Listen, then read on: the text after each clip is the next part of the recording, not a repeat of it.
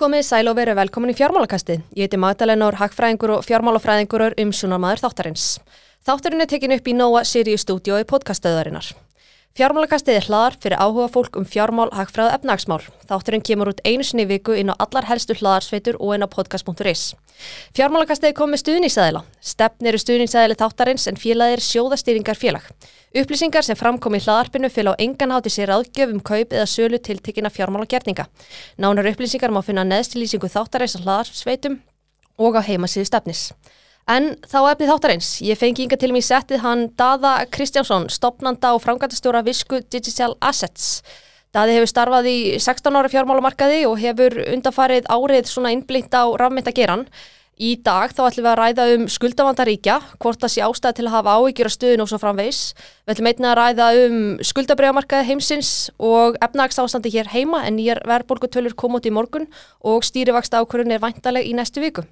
Einnig munu koma stuttlega inn á hvað er að frétta úr heimi rafmyndagerans. Staði verðu velkomin, frábært að fá þig. Já, takk hjá það, Madalena. Við Við hittumst hér öðru sinni, ég er að koma í annað sinn. Já, nákvæmlega. Hérna, við ætlum að ræða um ímislegt í dag en eins og ég kom inn á áðan, en byrjum á þessu.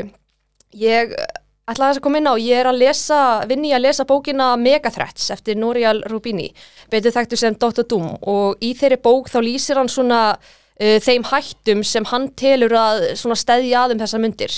Uh, og það er óvægt að segja hann svona dregur upp svona ansi dökka mynd. Hann segir þú veist að móðir allra skuldakrísa eða the mother of all debt crisis yfirvonandi uh, er hérna og svo berast uh, fréttir um að skuldasta bandaríska ríkisins er stuðt að vestna og vestna hratt. Er einhver svona ástæða til að hafa áhyggjur?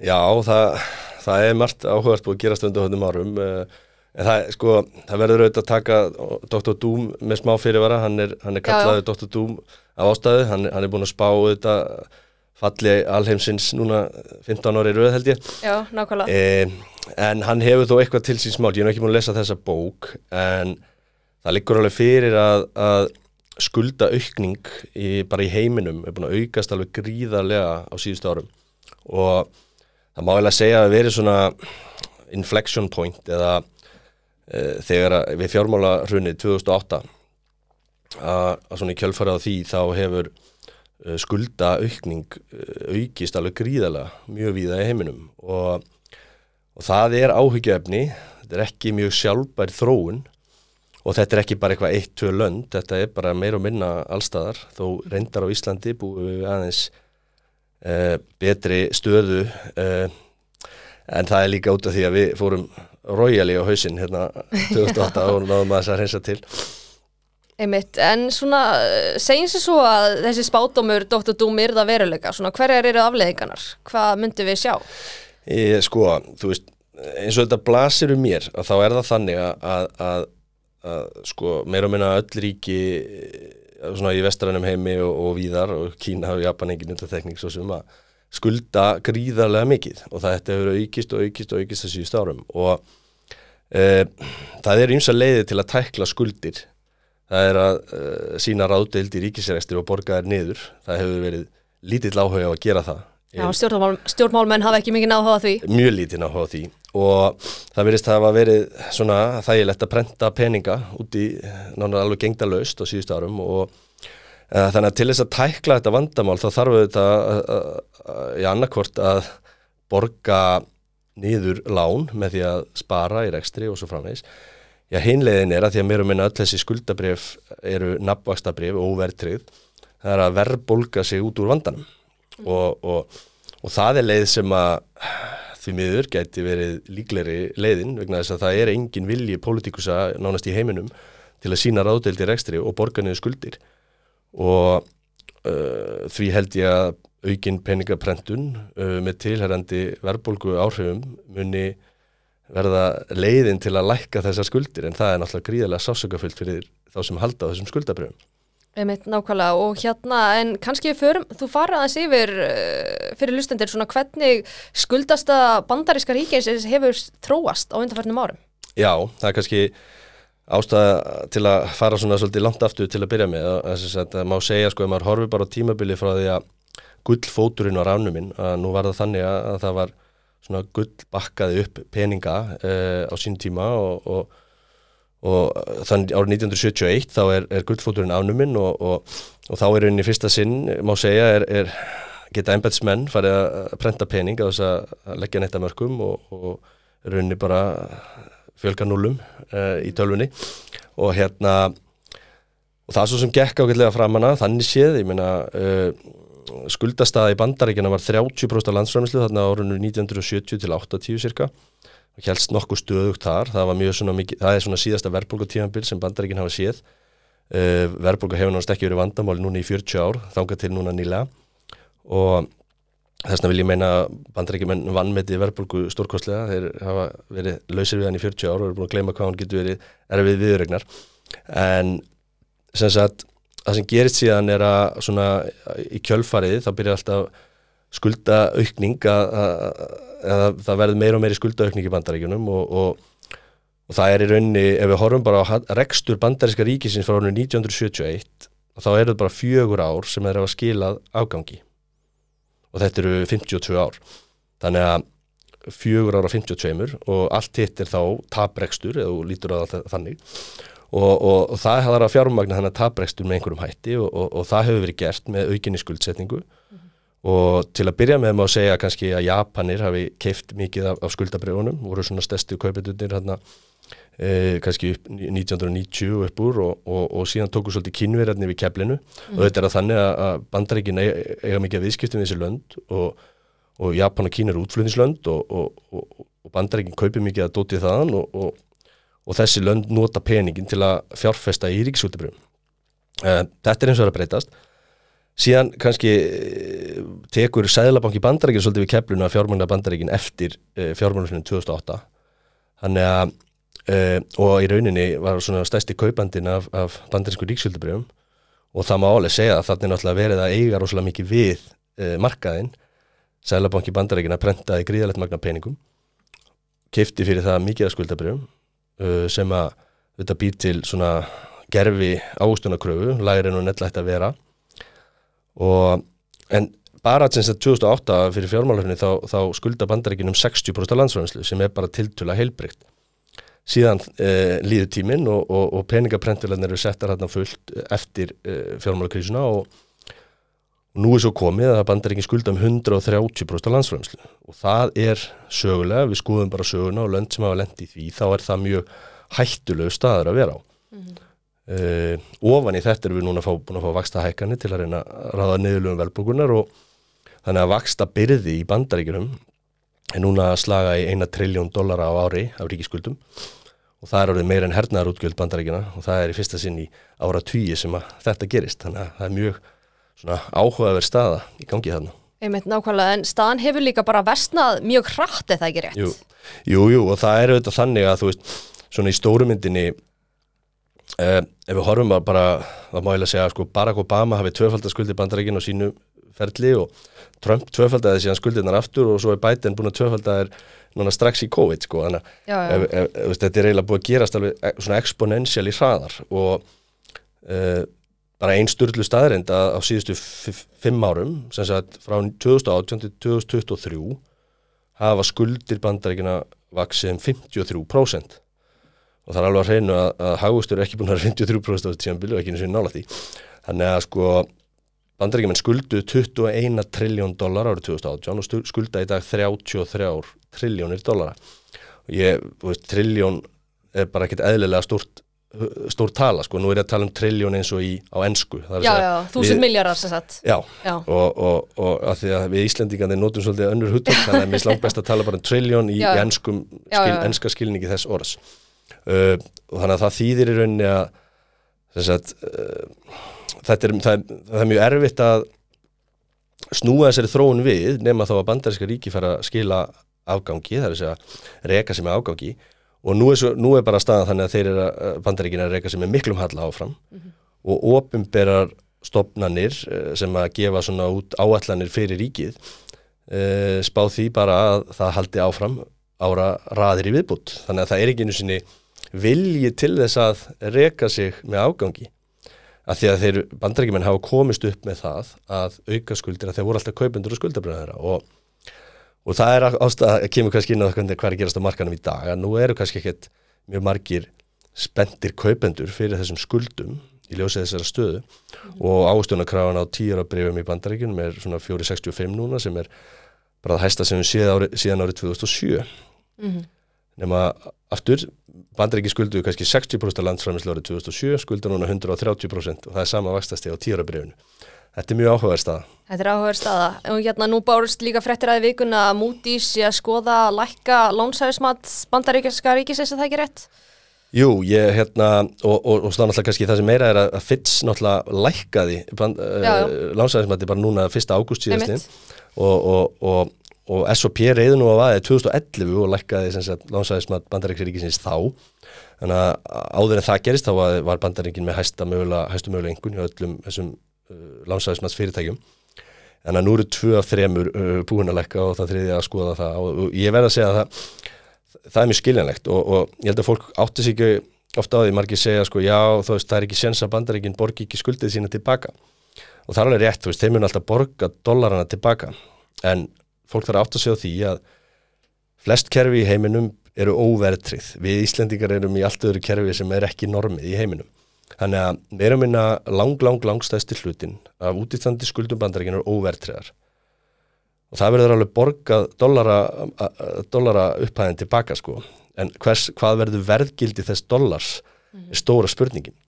Og, þe og þessu tengt er rosalega áhugavert að, að því maður er búin að skoða og það er, það er á svona tímum sem er mjög mikilvægt að skoða söguna mm -hmm. og ekki bara síðustu 40 ár því það er í rauninni 40-50 ár sem við erum búin að vera í þessu fíat kerfi uh, heldur að skoða lengri sögu og Já.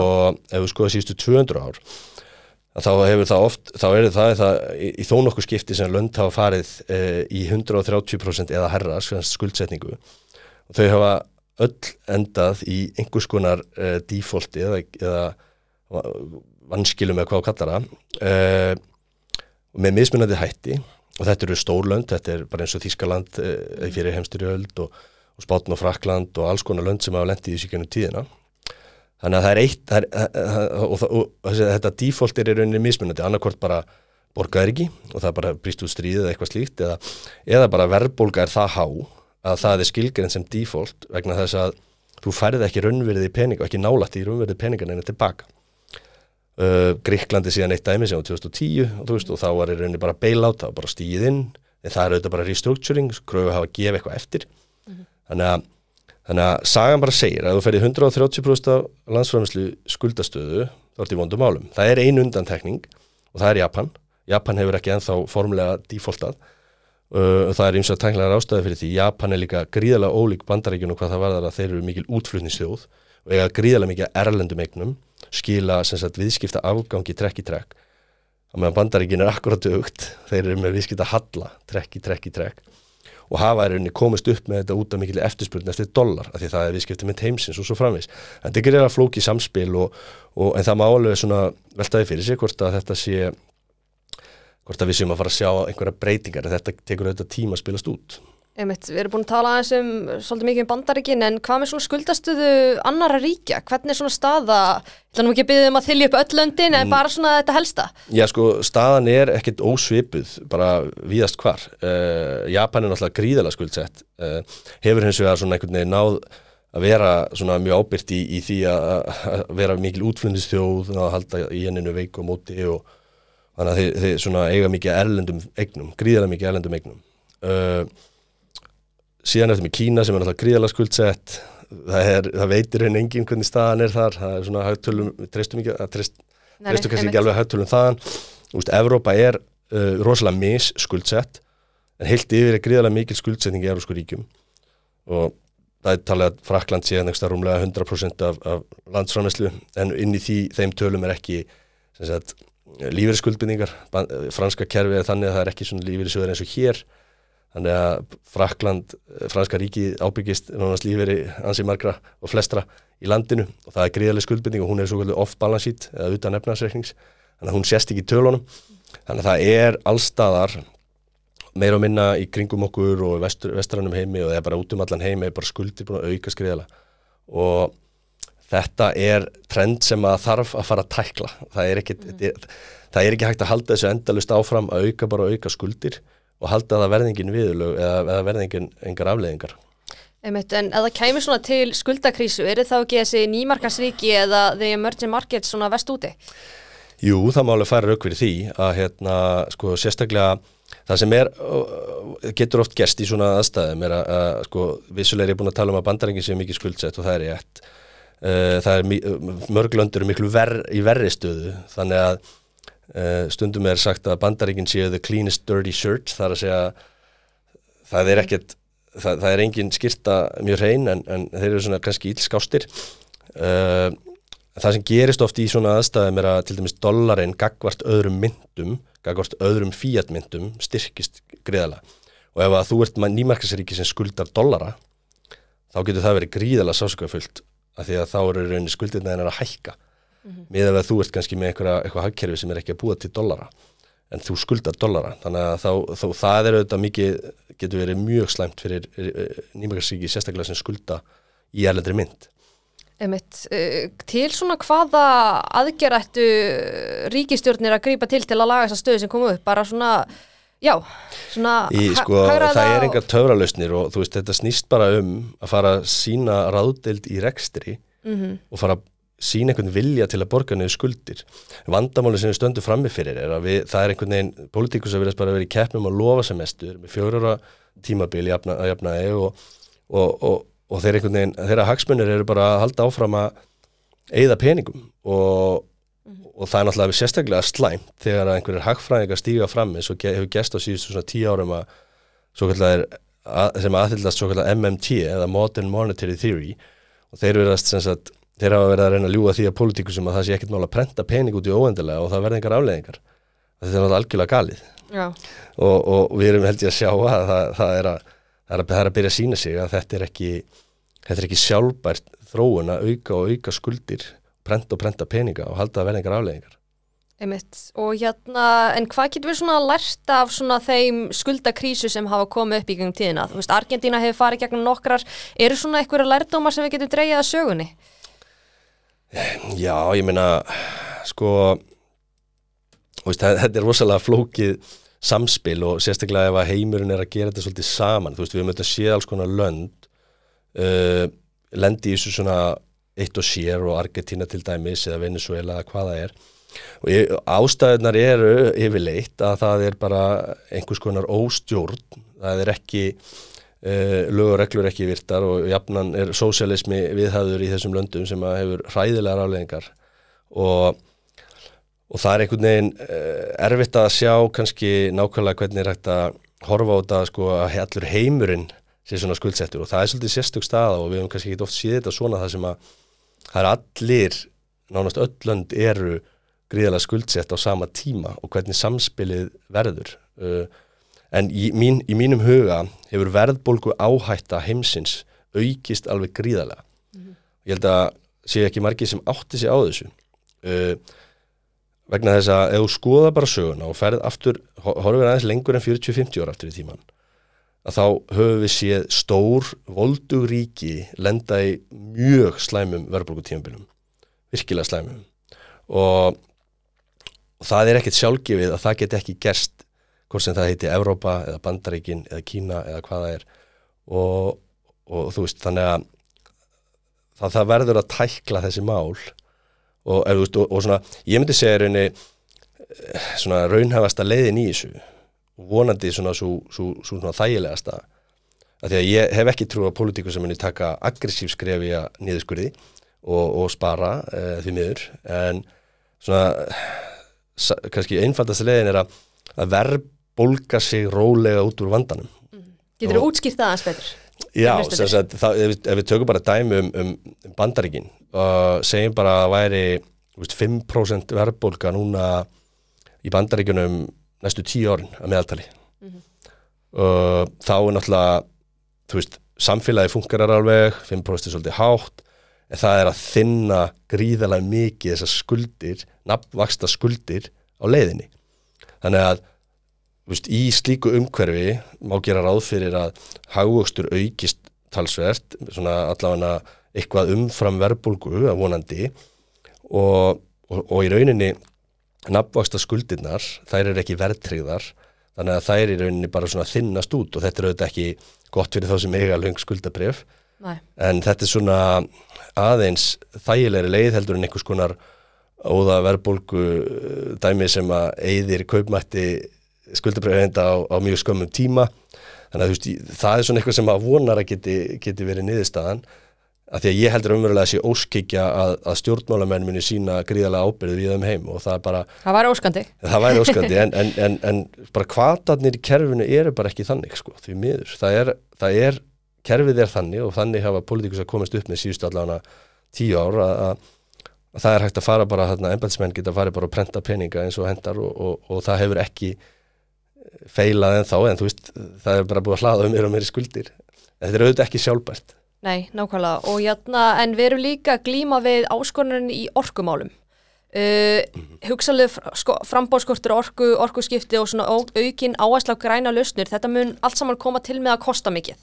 Og hérna hugsalega stuðlað aukinni verbulgu, mun það og annað meðal annars verða til þess að svona selabankar heimsins ætti að skoða, svona endurskoða sín verbulgu markmið? Eða svona hvernig horfið það við þér? Sko, ég held að það sé ekki neyn lausn að hækka verðbólgu markmið eða eitthvað slíkt. Eh, Það er búið að þægilegt að, jú, jú, hérna, menn ákveði að, að, að þinna peninga hraðar. Mm Það er auðvitað það sem er að gerast uh, og uh, kannski er það bara óhjökvæmilegt að, en, en sko markmiðið á ekki að vera að við finnum peninga sem hraðast, sko. Og, og, og þannig að mér finnst það í raunin ekki vera neitt markmið en, en það er maður heilt talað um þetta því að eflust að því að margir er þreytir og vextir sér alltaf að hækka og, já. og, og vilja bara einhvern veginn að það stoppi og, og hækkum það bara verðbólgumarkmiðið en það er auðvitað engin laust Nei. en það sem er það sem er auðvitað eins og bendir á ástæðan fyrir að ég er svona smá smeykur uh, ef vil segja að verðbólgu áhætta til, til næstu ára eða þennan áratug, út þennan áratug sé, sé miklu meiri en hún hefur verið er svona þrýþætt, það er annars vegar greiðlega peningaprent sem er átt sér stað og ég hef svona trú, trú á því að það muni halda áfram á næstu árum því miður. Uh, síðan er það þetta svona deglobalization eins og ég kalla eða and alheimsvæðing, ég veit ekki hvað íslensku orðið er en hérna sem sagt að gerist náttúrulega í COVID að fullt að ríkjum átt að segja því að þau eiga ekki ákveðna hluta virðiskeðunni og þurfa að fá það frá Kína eða fá það hérna og, og, það, og það náttúrulega var mjög vond, vond staða í COVID. Þannig að uh, maður að segja skilvirkni í heiminum er að minka uh, löndur vilja taka framleyslu heim til sín og það er dýrara og svo framvegis. Þannig að þetta bara felur í sér aukna verðbólgu. Og síðan kannski kemur að þessu sem spurningi byrjaði á varandi orkuna. Að orka er algjör undirstaða bættra lífskjara. Því orkuframfarir hafa alltaf bætt lífskjör okkar alveg gríðala og sögulega höfum við sífelt verið að auka eh, orku sem sagt fá betur og betri orku meira meira svona efficient orku.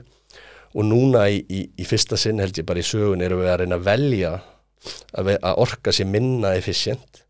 Eða sem sagt við erum að velja lakari ko- orkukosti og velja okkur frá skilvirkari orkukostum út af því að uh, út af því að við erum, víst, við erum að, að því er veriðist að hafa slæma áhrif umhverfið og það er líka verðbólgu hvetjandi vegna þess að þetta kostar svo mikla peninga.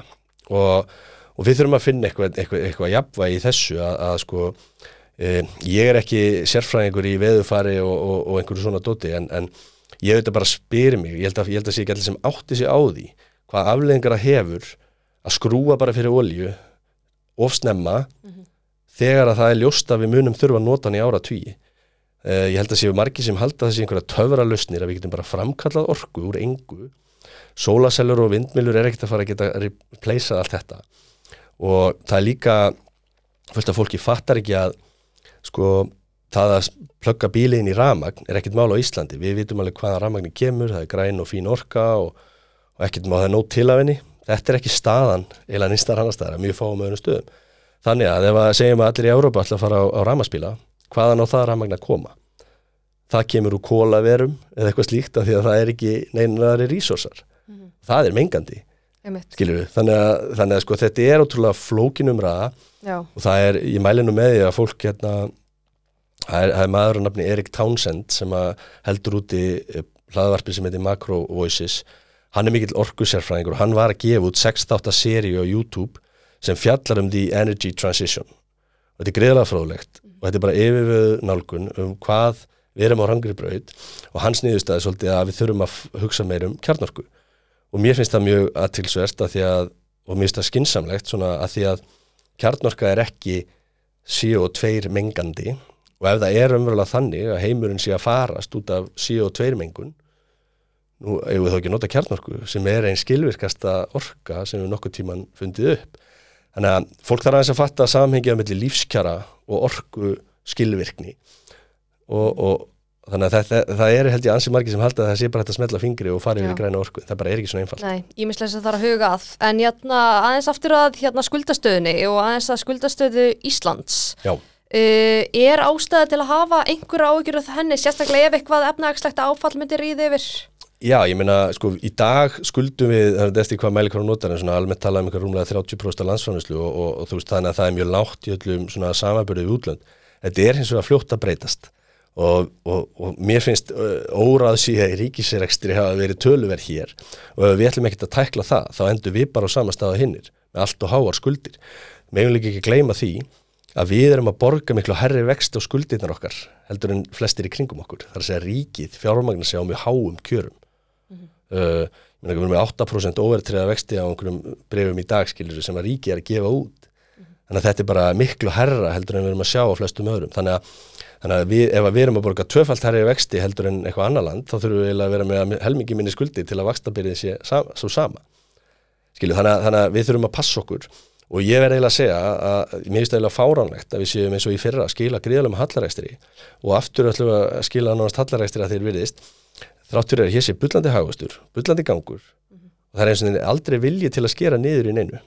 Nei, það er ekki vinsalt í stórasmálum Nei, minna, og, og, og, og þetta eða, eða gengur ekki upp. Það sé bara hægt að eyða og eyða og eyða og og einhvern veginn alltaf bara rettast þetta það er bara heiminn er ekki svo einfaldur. Nei, nei, nákvæmlega. Og jætna, en aðeins núna skuldabriðamörkuðum og stöðunni þar. Uh, við hefum eitthvað aðeins rétta en jætna, ég sá að Peter Schiff hagfræðingur tvítaði vikunni að þeir væru skuldabriðamarkaðir eitthvað svona hrinja í slow motion. Svona hvernig horfur sér staða við þér? Er þetta rétt maður tjánum?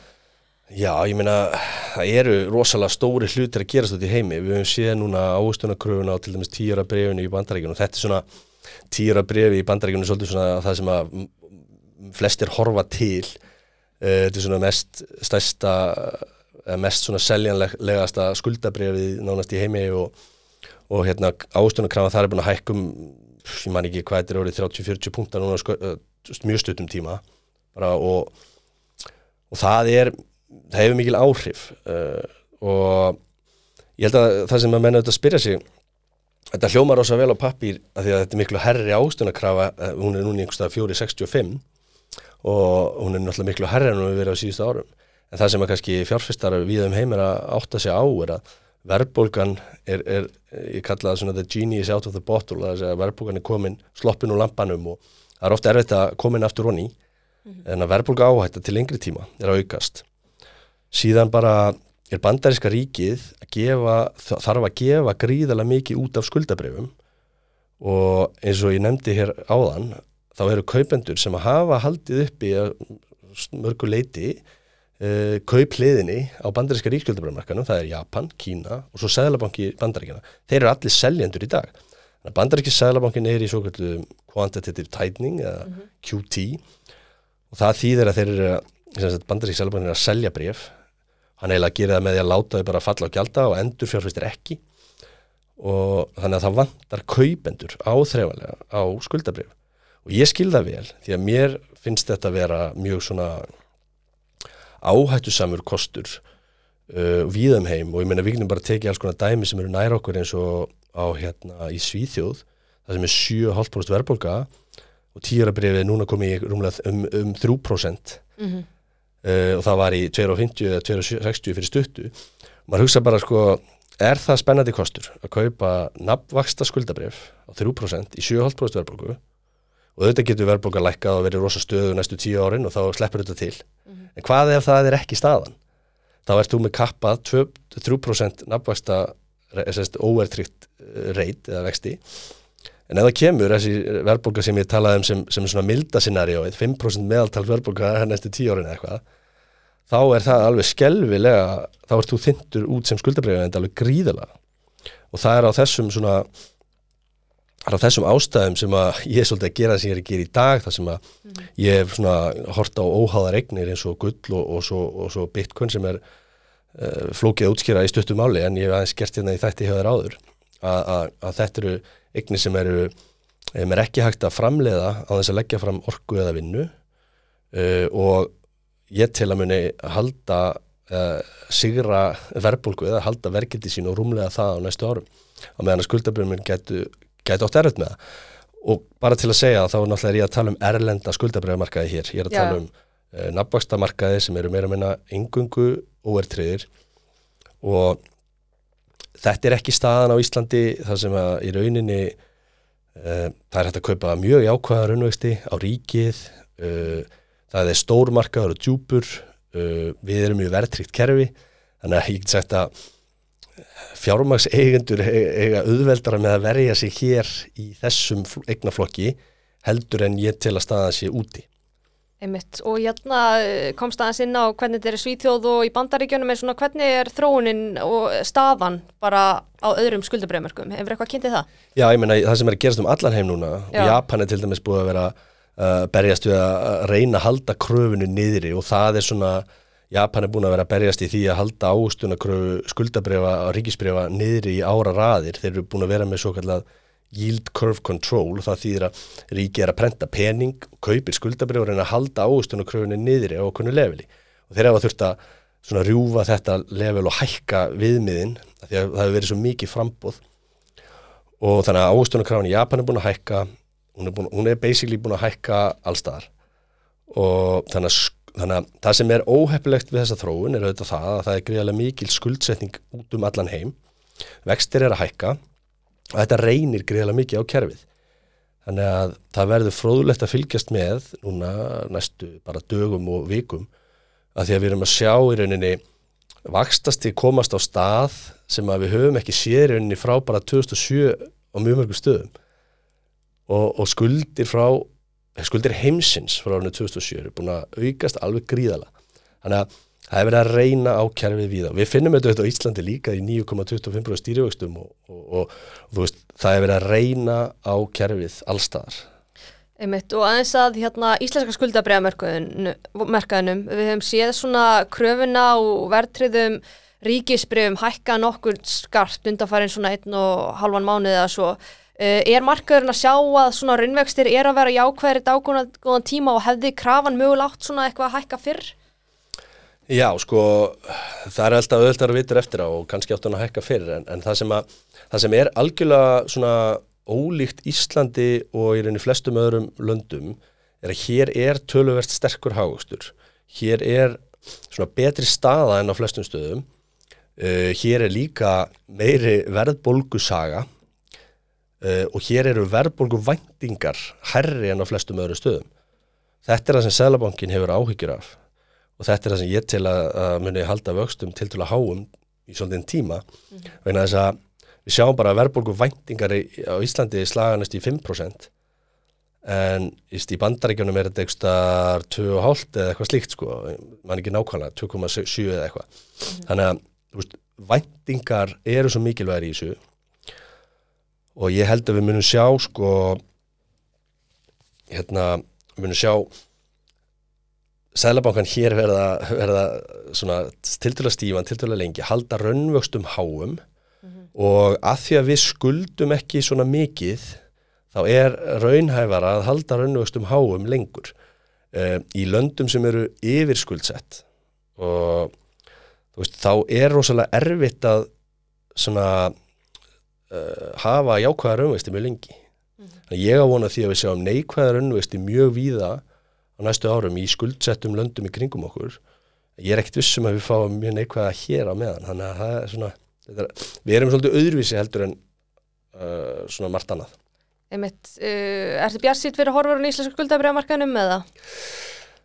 Sko, þetta er ekki skemmtileg spurning, sko. Hérna, það er vaksta okkur í næstu viku, það er búið að hækka vexti hérna alveg gríðarlega, sko. Ég meina, ef við setjum bara hlutina þessi samingi, þá erum við með 9,25% stýrivexti, bandaringin stári 5,5, Evrópa í 4,5 og þú veist, þannig að við erum búin að hækka umfram flesta aðra, kannski er það eðlilegt að því að við erum einhvern veginn með verðbólgu sögu, hærri verðbólgu væntingar, meiri hagvöxt og svo framvegs, en þetta er orðið ansi mikið sko, þannig að ég er svona að vona að, að Sælabanki farin aðeins að róa sig, en það sem ég hef áhyggjur af er að vinnumarkaðurinn hér er náttúrulega að haga sig líka öðru sem allir aðrir. Já. Það er erfitt fyrir Sælabankana að vinna eins og Sælabankar í kringum okkur og sama tíma á vinnumarkaðurinn hér hegða sér ekki eins og vinnumarkaðsæðilega í kringum okkur. Þannig að, þannig að við erum að fara inn í einhvern vetur þar sem að eflaust verður farið fram á 10% launahækkun eða hvaða nú Já, verður já, já. Og það verður ekki eitthvað sem hugnast Sælabankanum og þá erum við komin í þetta margfræga höfrungarhlaup og þá er það svolítið erfitt að sjá vexti fara mikið niður. Mhm. og þar að leiðandi er ég ekkit stórkostlega bjart sín á skuldabriða markaðin hvað þetta varðar. Uh, en ég er svona að vona að við séum ekki að fara í einhverja tveggjast af stýrivastatölu það er ekki langt í það Nei, nei, nákvæmlega. það, það, það er frekar stutt upp í 10% með hvað við erum í dag Já, já. Uh, nýjar verðbólgutölur komið til morgun sem síndu að verðbólgan hækkar í 8%, uh, stýrivakst ákvörðun í næstu viku. Uh, hvað heldur að Sælabanki gerir næstu viku? ég er ekkert að myndi hækkun 25 punta Heldur Og- ekki 50 sem mögulegi? Jú, jú, það er alveg möguleiki sko. þetta er uh, Það er ansið harði tótn í nefndinni. kominn. Já, það er það, en, en, en sko, við erum komin rosalega langt, sko, og, og það er auðvitað þannig með vexti að þeir virka ekkit á einum mánuði. Nei, að- tekur tíma. Já, þannig að sko, við þurfum auðvitað, það er að setja þetta í samingi, við erum komin töluvert herra en nánast allir í kringum okkur, reyndar eru alls konar lönd eins og ég held ég að við sé í, í morgun að Argentína er með 120% stýrivesti eða eitthvað svo leiðis. Það er ekki land sem við viljum reynda að bera okkur saman við. Uh, Tyrkland er held ég með 30% stýrivexti, það er líka 60% verðbólga, Já, Þú veist, þannig að við erum ekki, ekki þar, en við erum í rauninni miða við svona sæ, sæmilega stöðugu lönd, þá erum við með mjög háa vexti nú þegar og ég er svona, ég vona að við förum ekki ofrætt í viðbútt og leifum þess aðeins að sjá hvernig komin í veturina því að þetta getur verið mjög erfið vetur. einmitt. Hefur verið svona sammála ákvörðunum Sælabankars hinga til? Það var í bæða talum að lækka vexti svona skart í COVID og svo núna í þessu vakstahækkuna ferli. Nei, í rauninni var þetta rosalega aggressíft, sko, við höfum aldrei síðan nætt þessu líkt á Íslandi, þetta lága vaxtastig, en þú veist, ég verð hins vegar að, þú veist, það er alltaf auðvitað að vera vitur eftir á. Það er rosalega auðvelt. og ég er ekki, þú veist, ég var mjög ánægði með þetta þegar þetta gerðist, það var greiðlega óvisa ég var að vinna í fossum á þessum tíma og, og hérna, það var einhvern veginn allt í paniki og engi vissi neitt og það þurfti einhvern veginn að ná böndum á væntingar, að það væri ekki allir bara sko, að halda allt sér farið til anskotans og þetta var það sem seðlabankar víðum heim gerðu, þannig að það er svona kannski ósangjant að gaggrinn þetta of mikið. Uh, En Sælabankin hér er búin að hækka mjög aggressíft þannig að það er ekki sagt að það sé ekki að reyna að sportna við verðbólgunni. Þannig að ég, ekki, ég myndi ekki segja að hann hefði átt að hækka eitthvað hraðar. Eh, en það sem við náttúrulega glýmum við er að þú veist hann er svolítið einn í barátunni og það, það er það sem þeir segja Já, já. og, og, og ríki verður ekki að taka þátt, Nei. við vinnumarkaðurinn ekki samvinnu tíður og... þannig að þetta er, veist, þetta er ekki, þetta er samvinnuverkefni og þú veist, það er alveg, ég meina hérna á sínu tíma, ég man ekki hvernig þetta var 1990 eitthvað, það var þjóðasáttin og það búið að vera verðbólga og allir að berjast og ég held að þetta endi með einhverju þjóðasátt en það er bara spurning hvernig fólk er búin að fá nóga þessu sko. Þá þurfa líka allir að koma að borðinu og spila saman. Já, þú ert á því að vexti munu haldast háir í nokkur tíma. Já, Þannig að já það ekki. sérstaklega Já. Íslandi. Ég er ekkert vissum að, sko, að vextir geti haldist svona háir við í kringum okkur út af bara mjög, svona í rauninni veikum kerfum Evrópa til dæmis bara það var að koma tölur frá Þískalandi í morgunna sem að e, það er sérst ekki hágustu, það er, neik, það er samdráttur þegar að vera að spá samdrætti í Þískalandi að það er ekki jákvæður hágustur það er, það er neikvætt, það er, það er samdráttur og það er bara ekkert að frétta í Evrópu því miður, það er bara ótrúlega veik staða. Uh, skuldsett ríki vissulega en, en, en hérna við sjáum þetta bara skuldabræðamörkum þar þú veist, þeir hafa bara 10 ára breyfin þar voru bara í 2,50 fyrir stuttu, eru kannski komin í 3% núna. Þetta er rosalega lágt. Og samt er verðbólga 6, 7, 8% eftir í hverju lítur sko. Þannig að þetta er rosa skrí, þú veist, þetta er rosa skrítin staða þannig að ég sé ekki Evrópu bara hagkerri svo veikt að það ræður ekki við háa vexti til lengri, lengri tíma. Ísland ræður betur verandi minna skuldsett með meiri svona kraft í hagkerfinu, meiri vöxt þá ráðum við betur við hærri vexti. Ég held að Evrópa ráði mjög illa við háa vexti mikið lengur. Teluru að við Íslendingar munum ná böndum og verðbólguna, þú veist að Já, svona á endanum, á endanum. Það er bara spurning sko, þú veist aftur, við, við þurfum einhvers konar samhend átak og mér líður ekki eins og þessi mikil samningsvilji eins og er núna og sagan segir svolítið að þetta þurfa að fara aðeins meir úr böndunum til þess að fólk segi, heyrðu, við getum þetta ekki lengur og nú verðum við bara að setjast niður og, og græða þetta. Það væri langfarsalegt fyrir alla ef við gerum það núna. Við gerum það í vetur já, og finnum löst já, og hættum að hækka launu 10% í hvert skipti. Já, og, ég, og þú veist þetta er náttúrulega bara höfnungarslaup og þú veist og einhver staðar þarf að byrja og veist, ég, ég hef ágjörð því að allir ætla bara að fá núna rosa miklar hækkanir og, og, og þá bara fer það út í verðbólgu, það er ekkert flóknara. Þannig kjærasamninga verði mikil brekka. ég sé ekki annað sko.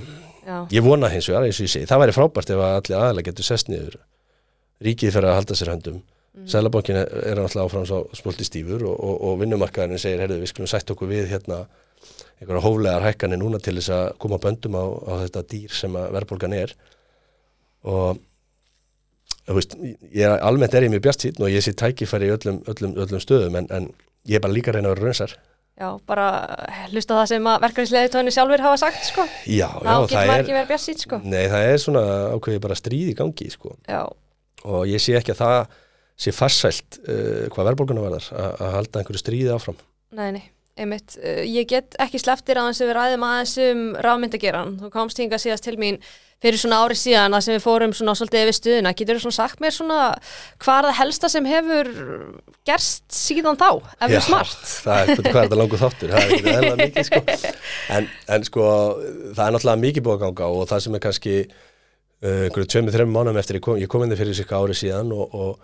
einhverjum tveimur, þreimur mánum síðan þá, þá fellur hérna einn stærsta kaupöllin FTX og, og, og sem komið hefur svona í ljósa var, var uh, mjög gríðalega bara mikil svikarhappur sem að það reyði ríkjum Sam Bankman-Fried hann er núna, það er verið að reyna að koma um í fangilsi og, og, í rauninni bara geirin er búin að hrista þetta af sér. Uh, ég er gríðalega ánaðu með þróunina sem ég er að sjá síðan núna bæði fyrra og, og, og svo aftur núna sérstaklega að gríðalega mikið að stórum uh, svona flottum fyrirtækjum uh, hefðbundum fjármálafyrirtækjum að stíga stór skrefin í geiran og, og það er það sem að svona eins og ég segi sko, það er verið að fækka kúrekum í þessum geira, rafmyndageira, þetta eru ungu geiri sem er búin að vera að vaksa hratt og og það eru alls konar vittlýsingar búin að ná kannski og miklum framgangi og, og það er verið að svona reynsa þá svolítið út og, og sambakma frítar var fyrirliði vittlýsingarna þar sko og, og síðan uh, erum við múna búin að sjá bara á þessu ári BlackRock að stíga mörgskrefin í geran uh, sækja um svo kallan ETF eða, eða kaupallarsjóð.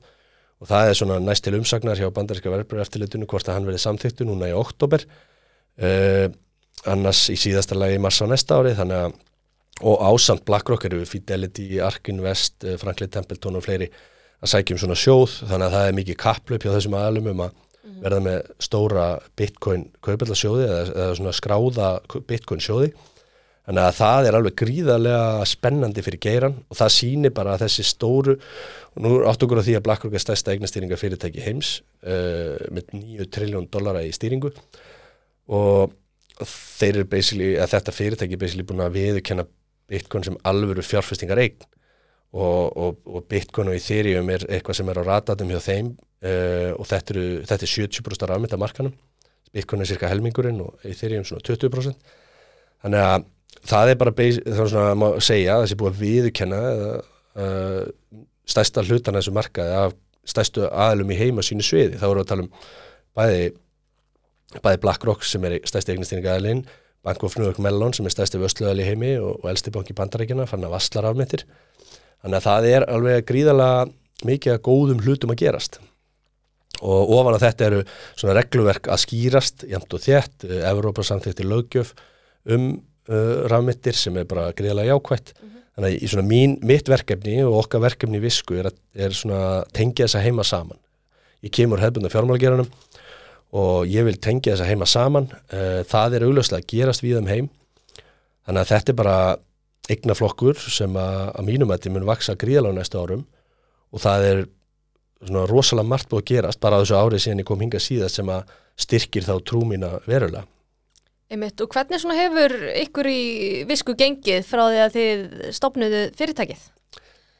Já, sko, það er svona uh, kannski erfitt að ég þarf að átta mig á hvað ég get sagt, sko, en, en semst, til að byrja með með að segja við erum sagt, uh, skráningaskildur ekstra aðeins í sérhæðra sjóða og, og, og markasetjum okkur einhverjum gagvart fagfjárfestum. Uh, við kannski meðum ekki að tala allt og mikið um það sem við erum að gera en, en það sem ég get sagt, það við komum fram ópibælega að, að við byrjum sagt í byrjun júli í fyrra og þá og það hefur komið fram að fyrsta árið okkar þá vorum við 23% upp. E, þannig ég er ákveðlega stoltur af þessu fyrsta árið okkar að vera að skila jákvæðra ástun og, og sæmilega jákvæðra ástun á, á, á hérna, fyrsta heila árin okkar. Og í raunin á sama tíma eru allir eignumarkaði búin að vera undir mikilvæg pressu mm -hmm. þannig að ég held að við hefum sínt vægi okkar sem áhugaður hlutasafni, við reyfumst öðruvísi heldur en hefðbundar eignir og við þannig að ég er mjög svona greiðal ánaði með, með teimið og, og stoltur að þessari, þessari vegferð okkar og horfi mjög björstum ögum inn í næstu, næstu ár. Einmitt, uh, að venju þá hérna endur við þáttinn á persónlögnótunum og það sem ég hef fengið í þáttinn áður, ég er á annalega með hlustutur á að tekja eftir, ég er yfirleitt alltaf með sömu spurningarna sko, jafnvel þó ég fáið fólku oft en ég ætla svona aðeins að breyta til núna og vera með nýja spurningar. Hérna, uh, hérna, ég ætla að byrja að spyrja það svona, ef þú værir ekki að starfa í fjármálageranum, hvað værir að gera? Já, það er þetta reysu stort. Ég bara, sko Þetta er mjög erfitt sko. Ég, hérna, ég ætlaði mér alltaf að vera atvinnumar í fókbalta og, og það er líklega ekki eitthvað sem ég er raunhæft. Ég spilaði fókbalta frá mestrarflokk en, en, en ég átti, átti ekki mögulega kannski að vera að fara í enska boltan sko. Eh, ég læriði innæðverkfræði og, og, og það var svona hluta því að mér langaði bara að hafa einhvern veginn alla mögulega að opna mm -hmm. og allir væri ekki bara í einhverju, þú veist var að vinna í Marel eða eitthvað? Ég, ég, veit, ég veit það ekki sko. Ég, ég bara fór inn í fjármálageran og hef ekki litið tilbaka. Nei, nei, ég finnst það bara aðeinslega gaman. Hérna, hvað er það síðasta sem þú lærðir? Bara, getur verið hvað sem er bara uh, Já, síðasta sem ég lærði.